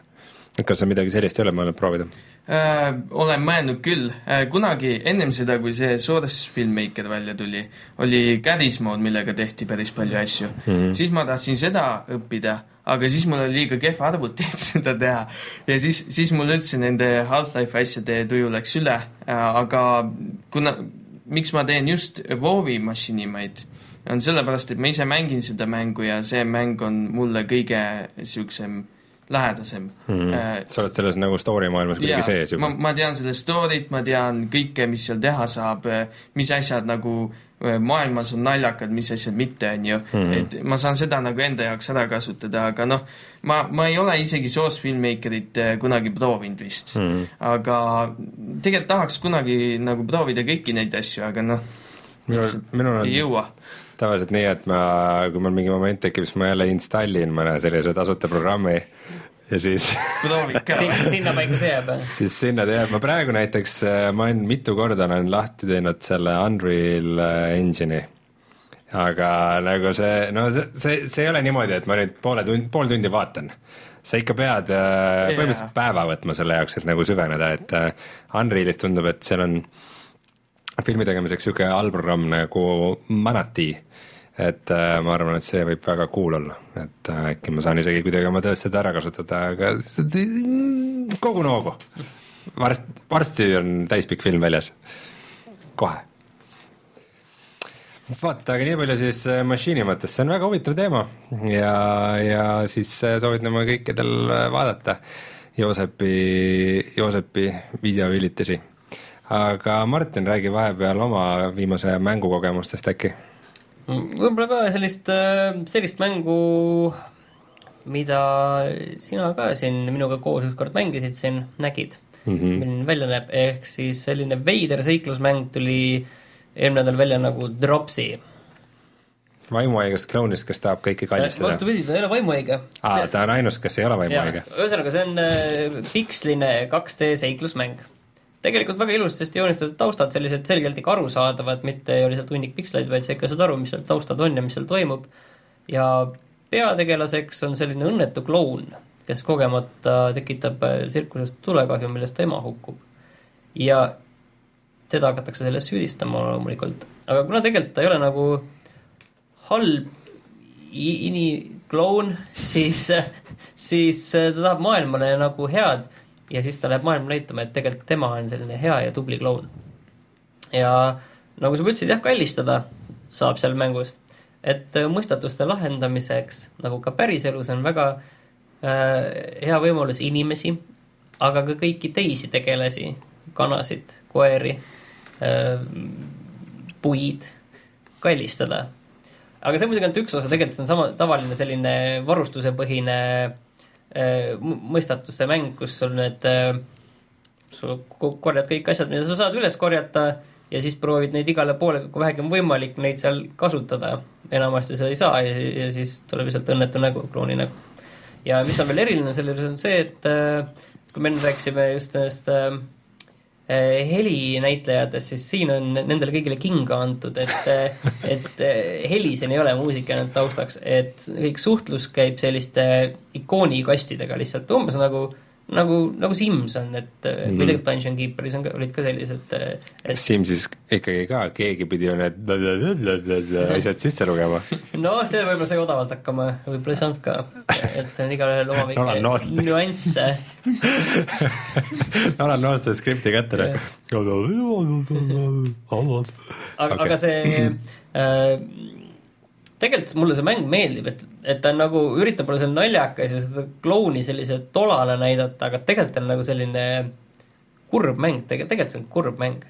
Mm.. et, et see, see, selle, sellel klounil ei ole nagu maailmas lihtne, on ju, ja siis sa võid mõelda, et kas see kloun on nagu lihtsalt on ta nagu kloun-kloun või on ta lihtsalt nagu inimene seal ja see on nagu üsna selline tiip ja mis on tegelikult veel sellise seiklusmängu kohta on üsna ebaharuldane see, et sul on kaart esimeses näiteks Monkey Islandites olid kaardid ja, ja mõnes kohas on veel olnud kaardid, aga, aga see kaart on selline, et kus sa, kus sa nagu näed, linnas kuskil ja siis sa näed kõiki kohti ja sul on suhteliselt selline mittelineaarne on see, kuhu sa saad minna. muidugi see lugu, jah, sa saad lahendada mingeid mõistatusi mingis järjekorras, aga kokkuvõttes sa muidugi pead kuskile minema aga samas seda väga sind nagu ei sunnita nagu kohe, et nüüd alguses mine sinna ja siis saab, siis on see mõistatus ja siis tee seda, on ju. Mhm. vaid see on ikkagi niiviisi, et sul on natukene vabad käed ka, mis on alati nagu hiirekliki seikluses on alati nagu hea, et kui sul on sellist ruumi.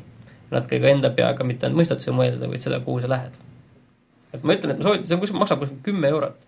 et, äh, et ma isegi soovitaks ma isegi soovitaks, Rein, ma, ma tean, on minuga eriarvamusel, sest tema ma ei tea, miks see mäng ei tekita minus mitte mingisugust huvi no sa pead ise mängima, siis võib-olla tekitab mm., et, et see on Dropsi nõrga teega ja kes tahab, võib vaadata treilereid äh, netist, et need on need sellised, üks treiler on selline, kus sa saad ise kaasa laulda, et see on selline karaoke treiler.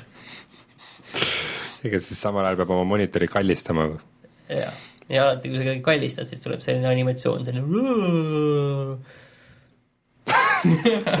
seda peab ise kogema, seda peab väga värvikalt kujutan ette. aga see on huvitav, tegelikult see on huvitav mäng ja see ongi just see, et, et ta on selline väga mitmekihiline ja see, see teeb selle huvitavaks. okei okay,, nii et sa väidad, et see on rohkem, kui alguses tundub? jaa, ma väidan küll.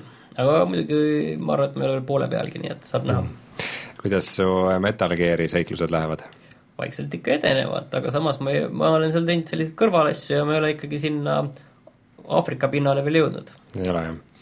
see Metal Gear on ju, äh, ennem kui sa seda mängima hakkad, sa pead teadma kõike seda, mis eelnevates mängudes selle puhul tegelikult ei pea, selle puhul ma ütleks, et, et see ei ole nagu nii oluline, muidugi see annab aga seal on lendav tulevaal ja, ja siis mingi tüdruk, kes on mingi äh, ütleme nii, et mina olen kõiki mänginud ja selle lendava tulevaala peale ma olen ka nii üsna äh? Okei, üsna nõutu, et see nagu ei päästa päriselt, et see, see, see isegi nende eelmiste osade mängimine, et sa mõnes mõttes isegi see, kui sa tuled nagu tühja lehe pealt, siis see võib isegi olla noh, täitsa okei okay tegelikult, et Rein tuleb ka suhteliselt tühja lehe pealt niikuinii, et tema on seda seda proloogi mänginud, selle mm -hmm. Ground Zero'sid. ma vaatasin, et selles uues Metal Gear'is kõik peategelased, neil on mingi jäse puudu või kaks isegi koeral on silm puudu. jah, just, nagu kõik, mingi kehaosa peab puudu olema, muidu see ei ole osa skuadist. muidu ei ole fantoomvalu. jah, on tütarlaps, kellel on kehaosad olemas, aga tal pole riideid. tal on riided puudu. seda ma ei tea veel. aga ei, tegelikult ma olen siin nikerdanud neid missioone siin natuke teha, neid kõrvalasju ja ja iga asi ikkagi üllatab ja, ja ütleme niiviisi, et see on nagu vaata hea, kui sul on nagu hiilimismäng ja sa ei väsi sellest hiilimisest ära, et see on nagu hea, et mingi asi alati on natukene mingi muutuja ja see nagu töötab. ja ükskord sa, sa juba ohkad mõne ma pean tunnistama, et ma natuke hakkan väsima. et, et kus ikkagi sa, sa hiilid seal, nüüd ma, sul on kõik nüüd nagu läbi mõeldud, siis tuleb mingi häire, okei okay,, ma siin peidan ennast ära ja siis nad tulevad kopteriga, kopteriga, millel on äh, suur prožektor küljes sind äh, otsima ja leiavad sind kohe ja siis kütavad sealt kuulipildu ja ega ei jõua isegi kuskile eest ära joosta. jah kopteritega seoses mul oli üks missioon just, kus äh, pidin jälitama ühte tüüpi ja siis äh, äh, mul oli, oli Quieter ka kaaslaseks, sa ei ole saanud Quietit veel ei ole. ähm,? ma olen See- teda see näinud, aga, ma olen see- teda näinud, aga ma ei ole teda endale saanud kaasa. see ongi siis see alasti naissnaiper, okei, kes on, ta on niisuguste üle, ülevõimetega, üli, ülivõimetega, et ta nagu niimoodi tormab ringi niimoodi mööda kaarti, hästi kiiresti ringib. nagu. Mitte päris plingib, sest tast teeb niisugune nagu suur tolmurida alles, Aa, et ta nagu mingi tohutu kiirusega kihutab, mis teeb mingi jõhkrat mingid mürglit, sellised supersõdurid on seal, ta on vist nendega ta on vist üks äh, supersõduritest jah, seda, aga aga ma pakun. aga naljakas on muidugi see, et see tekitab kohutavat müra, kui ta mööda tuiskab nii aga kui ta vaenlaste sõdurite baasist läbi nagu sõdurite vahelt tuiskab, need seisavad, ei tee mitte midagi. ja kui ta nii kiire on, miks ta siis lihtsalt üksinda kõiki maha ei võta? Põhimõtteliselt saab seda isegi peaaegu sest mõtle, kui sa nii kiiresti liigud ja lööd kedagi, siis sa lööd tast läbi ju.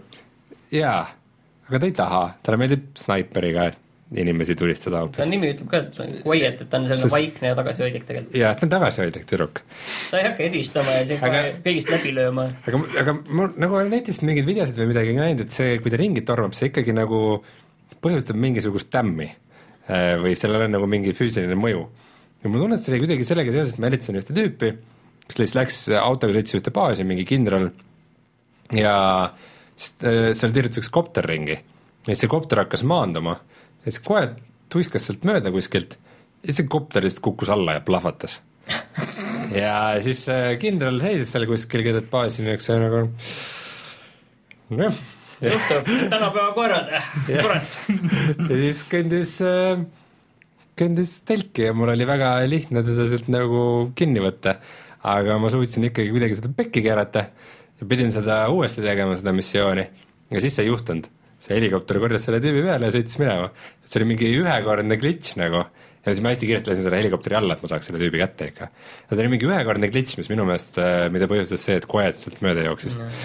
et äh, mille pärast kopter kukkus alla ja missioon läks nagu täitsa teist rada pidi, et äh, see oli päris naljakas aga jah, natukene, natukene hakkan mina jõudma Metal Geariga sinna mis faasi kus missioon sul on kuskil käsil, mis number? mingi kakskümmend üks äkki. aga mm, ütle, et lihtsalt, et kuidas seal nagu muidu nagu Metal Gearis on väga sellisel olulisel kohal bossi võitlused, et kuidas praegu nagu nendega on olnud, et et mina ei ole nagu, mul üks äh, selline asi oli, kus ma vist oleks saanud, aga, aga ma hiilisin sellest mööda. Aga ütle lihtsalt, et, et hulka või mis, mis sellised tunded need sinus on tekitanud, sest kui sa oled mänginud Ground Zeroesit ainult, siis sa ei ole Metal Geari bossi võitlusi mänginud. Äh, paar bossi võitlust on olnud, vähe, väga vähe. Ja need ei ole, need ei ole minu meelest olnud midagi erilist, et äh, üks äh, kohtumine oli mul jälle selle tulest mehega Äh, ja see, kuidas see mul on üks, see esimene kord, kui sa see tulemehe eest ära jooksed mm, -hmm. üks mehaanika on see, et sa lased äh, mingi toru katki, hakkab vett pritsima ja siis talle ei meeldi, ta jookseb ära mm. -hmm. aga see tulevaal tekib siis, kui vihma õues sajab ja hull torm on. kuidas ta siis veega hakkama saab? Võib-olla teadus, võib-olla ta sellepärast hüppabki äh, õhku, et äh, protesteerib selle vihma vastu. aa, et siis läheb võimsamaks, et nagu, ta on nagu ma vihane, ei taha vihma, siis surma- vihastab ja siis on suurem. on MMS-i vihma ju. võib-olla, võib-olla on asi hoopis selles, et äh, see vaal on nii kaugelt nähtav, et seal, kus ta hüppab, et seal ei saja. ei, aga see oli seal maja juures ja maja juures sadas. Võib-olla see selle päris õhku loogiline, rippuma, selle küsimuse aga kirjutage meile ja pakkuge oma teooriaid ja, ja kirjutame ka Telegrami ESC ja võib-olla nad oskavad pakkuda mingit head lahendust. ja kuidas võidelda tulevaaladega, kes teie pere ohustavad? mul on praegu see probleem siin laua peal, et äh, et otsime lahendusi, et ma olen kuulnud, et keegi kuskil mingi teadlane on sellest kirjutanud mingi pika jutu, et aga küllap te leiate ülesse, uurite. põhimõtteliselt vaktsineerimine põhjustab tulevaalasid. aga kui ma võin, et mul oli jah kohtumine selle tulest mehega, kelle vallu, kelle, kellest võitu saamiseks oli üks, üks nagu asi, mida sa pidid tegema. ja selle asja peale ma põhimõtteliselt tulin juba enne, kui ma seda tulest meest nägin, kui ma sinna nagu tühja alasse jõudsin, mis oli ilmselgelt, seal tuleb hiljem bossi võitlus, et ähm, jah, see ei olnud selles mõttes okay. kõige kavalam. muidugi väga, väga nagu demoraliseeriv minu jaoks mängides on see, et kui sa teed mingi, mingi missiooni ära nagu ja siis äh, nagu missioon on valmis, kutsud kopteri järgi ja siis, siis sulle see otsaloot ütleb, et good job, boss, well done, you completed the mission. ja siis alla tuleb nurka nagu, et missiooni objektiivides tehtud kaks seitsmest ja see on niuke, oh come on, suuremad as-, as-, suurem osa asjadest ei pannud seda põhiasja tegi tähele. ära, põhiasja tegid ära, no mis ikka. üks asi, mis ma tegin ära ja võib-olla mingi asi, mis no, oli nii ilmselge. pead mingeid selliseid äh, mingid spetsiifiliste oskustega kodanikke sealt Fultoniga välja saatma, tavaliselt on mingit sellist tüüpi. midagi jah, või siis nagu näiteks, et sa ajad kedagi taga aja peale, aga mingist külast lähete läbi ja seal on mingi vang, kelle sa pead ära päästma, midagi sellist, et äh, et sageli neid ei märka ja siis pärast on ikka, aga see-eest on väga tore tunne, kui jälle avastad midagi sellist, aga mm. siis, kui sa jah, see number seal lõpus sulle ütleb seda, siis see on ikka natukene fru- frustreeriv. ja mul oli üks niisugune asi, mis, mis ka väga mind ei tõmmanud, nagu on, mis juhtus, et äh, nüüd hakatakse mu baasi ründama et ma pean äh, vahepeal keset missiooni minema tagasi oma baasi ja kaitsma seda rünnakute eest uh. -huh. ja siis, ja siis tagasi minema, et kui ma ei suuda, ja esimene oligi see, et äh, mul oli, läksin tagasi, ma ootasin, et seal on mingi paar tüüpi, see on mingi nelikümmend tüüpi või? okei okay,, võib-olla ma liia-, liialdan, aga nagu ikka väga palju vaenlase sõdureid oli seal. ja ma, ma loomulikult läksin nagu peale, et äh, et võtan nagu lihtsalt selle uimastipüstoliga kõik maha, aga siis mul said nooled otsa ja ühel hetkel ma astusin kuskil nurga tagant välja ja mingi kaheksa tüüpi seisis seal nagu hallo ja siis läksid asjad nagu käest ära. ja siis ma avastasin, et seal baasis võitlemine on nagu suht kohutav, sest see baas on hästi nurgeline, Nurgeline, jah. ja see mäng nagu ei toimi väga hästi niimoodi ta nurgelisena on jah ehitatud ikkagi sellise näiteks ma, näiteks ma pidin minema sellise nagu platvormi tippu ja siis ma läksin nagu redelist ja, ja siis ma tahtsin, nad juba märkasid mind ja siis andsid tuld kõik sinna, ma tahtsin visata suitsupomme. ja sa ei saa, kui sa redelist üles lähed ja sa ei saa nurga tagant visata suitsupomme, põhimõtteliselt põhimõtteliselt käsi jääb kuhugi kinni nagu see nagu noh, see mäng ei ole disainitud selle level disaini jaoks, mis sul seal baasis on. et äh, see kõik kukkus väga halvasti välja ma ei teinud seda ära, mis tähendas seda, et vaenlased lasid minu baasist küll minema, aga nad võtsid päris mitu heade statidega tüüpi kaasa. ja, ja siis mind visati missiooni tagasi. aga proovime nüüd täpsustada, et kas see on nüüd nii-öelda üksikmängu äh, asi, kus nad sind ründavad või ikka kindel? jaa, okei okay,, selge sest et äh, vaata, mingi hetk sa pead omale tegema ka security tiimi mm. -hmm. aga mul ei ole veel seda. aa, no siis see põhjus aga kas seal mängus on ka niimoodi, et sul on baas ja siis sul on mingid sõdurid, keda sa saadad välja, kes teevad mingeid missioone, et nagu viimasel ajal nagu mängud- Warlords of Draenoris. jaa, seal on ja siis on veel äh, seal äh, Dragon Age'is, Drag-, uues mm -hmm. Dragon Age'is oli ka vist sama asi. et viimasel ajal topitakse kogu aeg neid Garrison'e millegipärast no sinna. Metal Gear vähemalt tegi seda juba kaks tuhat kümme tegi, ei, ei isegi varem, kaks tuhat seitse või kaheksa, kui see Portable Ops tuli, et nad vähemalt, selles mõttes nad on teinud seda kaua aega, et, et nad No öelda okei. et kedagi nad vähemalt jäljendavad, seda, seda saa öelda. Aga lihtsalt nagu trend on, et Jaa. nagu Natuke- põhimõtteliselt igasse mängu topitakse seda natuke sihuke nagu Facebooki mängu tunne on küll Jaa. vahepeal sellega, et äh, ütleme, mingid, on nagu mingid mehaanikad, mis toimivad niimoodi, mingid, mis ei toimi, näiteks selline asi, kui sa mingi vaenlase tüübi vallutad ja siis äh, tal on mingisugune oskus, mingi mehhatroonika või, või mingid raketid või midagi ja tänu sellele saad mingit uut relva teha, see on nagu cool, see on nagu mm, -hmm. sul on nagu see baasiosa ja mänguosa hästi segatud, aga siis kui siis kui sa pead kogu aeg mingit äh, ma ei tea, mingit recruit missi-, missioonidele tüüpe saatma ja mingeid selliseid asju tegema, siis vahepeal see nagu ei toimi see baasi Äk- kaitsmise idee mulle väga Äk, ei äkki meeldi. see algas juba Assassin's Creed'iga, vaata Brotherhoodis hakkas see asi, et äh, sa päästad neid tüüpe ja siis, ja siis hakkad neid missioonidele saatma, onju Mhm.. et, et seal, see, see oli vist üks esimesi siukseid äh, vanu mängu, mis seda tegi. aga noh, sa saad sellega lihtsalt kunstlikult nagu mänguaega pikemaks, aga aga samas sul on mängus vähem teha. jah, sest see uus expansion, mis WoW-is on, seal ongi nagu see, et äh, follower itel on rohkem nagu teha kui sinul, kes, kes, kes sa oled mängija. jah, või noh, Fallout Shelter, jah, Fallout Shelter. ka põhimõtteliselt sama mäng. nii et loo moraal on see, et minu entusiasm veidikene raugeb ja mul on natukene mõte, et ma teeks väikse pausi sellest mängust, aga mul ei ole head nagu teist mängu, mida ma tahaks paus mängida. jälle, siis läheb nagu Witcher kolmega, et lõpetad kolm kuud hiljem. see võib juhtuda, aga praegu oleks ikka mõttekas ära teha. vaata näiteks see, mis Metal Gearis on nagu omapärane, on see, et nagu missioonidel on nagu vaata algus ja lõpp, eks alguses sõidad kohale sinna kopteriga nagu natukene sõidad selle kopteriga, Big Boss istub seal kopteri serval ja mossitab. ei, ei, see on juba mäng. istud ja, ja vaatad ja üks hetk ma saad kopterist välja hüpata ja siis äh, vaikselt hakkad uurima ja nagu hiilid seal ja tutvud asjaga. ja see kõik on cool ja sa elad nagu selle käigus sisse nagu mängu. aga kui sa teed seda nagu viiskümmend, kuuskümmend korda, siis see läheb nagu lihtsalt tüütuks. see kuidagi no see on jõuab nii kaugele. mul nagu viimati, kui ma nüüd mängisin, ma olin too õhtu olin nagu veidi väsinud ka ja siis see oligi see, et ma nagu muutusin rämedalt kannatamatuks, et no sa oled äh, üldse kannatamatum kui mina, seda ma tean no.. jaa, ma, ma selles mõttes, et ma olen kannatamatu inimene ja tänapäeva mängud tavaliselt soosivad seda Jah. ja siis, kui vahepeal on mäng, mis tahab natukene rohkem kannatada, siis see on alguses okei okay., jaa, okei okay., aga siis üks hetk nagu kui hakkab juba väike sõrm hakkab juba tõmblema. niisugused te harjute üksteisega ja siis muutute jälle iseendaks ja siis, siis jaa, tahaks vist tulistada kedagi ja mitte seal hiilida ja nüüd on mingid turvakaamerad on baasides ja ma pean neid vältima ja ma ei tea, kuidas ma neid üldse hävitada saan, sest et mul on see ähm, summutiga uimastinool, see ei hävita ju mingit.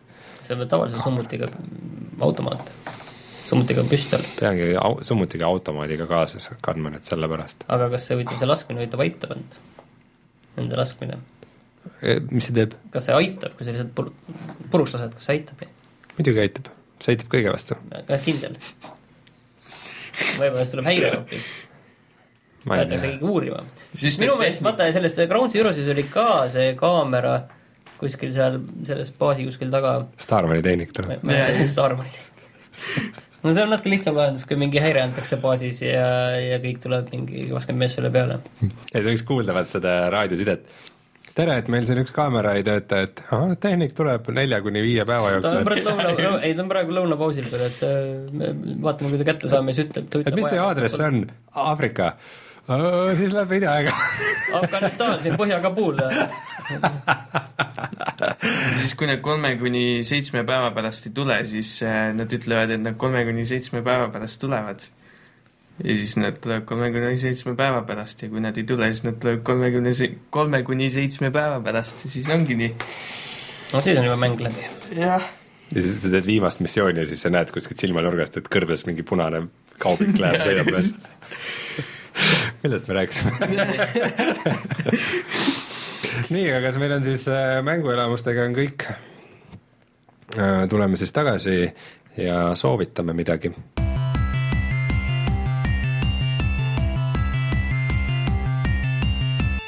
ja me oleme tagasi ja mida me siis soovitame, midagi uut ja maitsvat. jah, et äh, vaatasin, et Steamis maksab see äh, Apes Odyssey New and Tasty maksab kümme eurot, see on nagu hea hind sellele. ja ütleme niiviisi, et kui sa oled nagu konsoolimäng, ei, see on Playstationile ja on tasuta PS plussis mm.. aga Xboxile see vist ei ole isegi vist mitte veel välja tulnud, kuigi lubati ja Vitale seda lubati ka, ei ole veel tulnud, aga, aga arvutile on see väljas, PS4-le ka. Steamis oli see, Steamis oli see tavaversioon oli, oli hiljuti nüüd tasuta isegi mingi aeg. aga, aga see New Tasty on nüüd siis selle esimese osa remake. jaa, mis tuli vist eelmine aasta tegelikult tuli jah, eelmine aasta tuli ja, ja see aasta tuli Playstationile mm. -hmm. mängul on väga cool kunstiline stiil ja maailm, aga ei, ta on tegelikult äge selline platvormikas kus on hiilimist. et no põhimõtteliselt need, kes seda mänginud on, ütlevad, et äh, kui te siin räägite, et see mingi Dark Souls on, on raske, siis te ei ole mänginud. ütleme, et see, see läheb raskeks, et mul on seal natukene on veel lõpus tegemata mul, et, et see läheb päris raskeks jah, et see ei ole nalja tegemine, aga kellelegi pusle ja platvorm. kus selline, sellised äh, platvormikad meeldivad, sellised, mis ei ole lihtsad ja mis ei ole sellised, et sa teed selle ühe õhtuga läbi, vaid see on just tõesti oskust läheb vaja, mis seal on muidugi frustreeriv, on see, millest me oleme rääkinud ka, et seal on see, see hüppamine natukene nagu selline veider ja sellise väikse sellise vastiku inertsiga mm.. et, et seal on mingisugune ujumine sees, et seda peab nagu, selle nagu käppa saamine, see võtab nagu aega ja, ja see on üks osa sellest kuid. frustratsioonist, minu puhul jah, kuid, aga noh, see selleks. Rein, kui sa Eestist ostad mänge, kus sa neid ostad? GameStar.ee okei okay,, aga kas kutsume saate saateks? kutsume jah jätkame siis see nädal ka seda meie vana rituaali, mis meil on, et äh, saate lõpus me teeme avalikuks ühe video oma Youtube'is. Ja seekord on selleks videoks Stones of Sorrow. see on ju Eesti mäng. see on Eesti mäng, kurbuse kivid, ei kurbuse, jah, kurbuse kivid, kurvad kivid et äh, me nüüd äh, kohe, kui ma leian need õiged asjad üles no,, siis jah. ma teen ta avalikuks, et äh, et äkki Martin, sa tahad rääkida, mis mäng see on selline? seda me siin koos kõik vaatasime, Raineriga ka veel, kui Rainer oli veel kodumaa pinnal mm. -hmm. ja Eesti mäng, ühe mehe tehtud selline, mis ongi sellise 2D Dark Soulsi teemapoolne, et eks igaüks võib lihtsalt vaatab sealt, kuidas see välja näeb, milline see on et, et eks seal see tehniline teostus on muidugi, muidugi on kohati probleem, aga aga selle eest on ta väga palju ja, ja seal taustaks on selline ütleme, et ei ole mänginud sellist mängu, millel selline muss on taustaks ja kui ma ei eksi, siis see maksab Steamis äh, oli kolm või neli eurot mm. -hmm.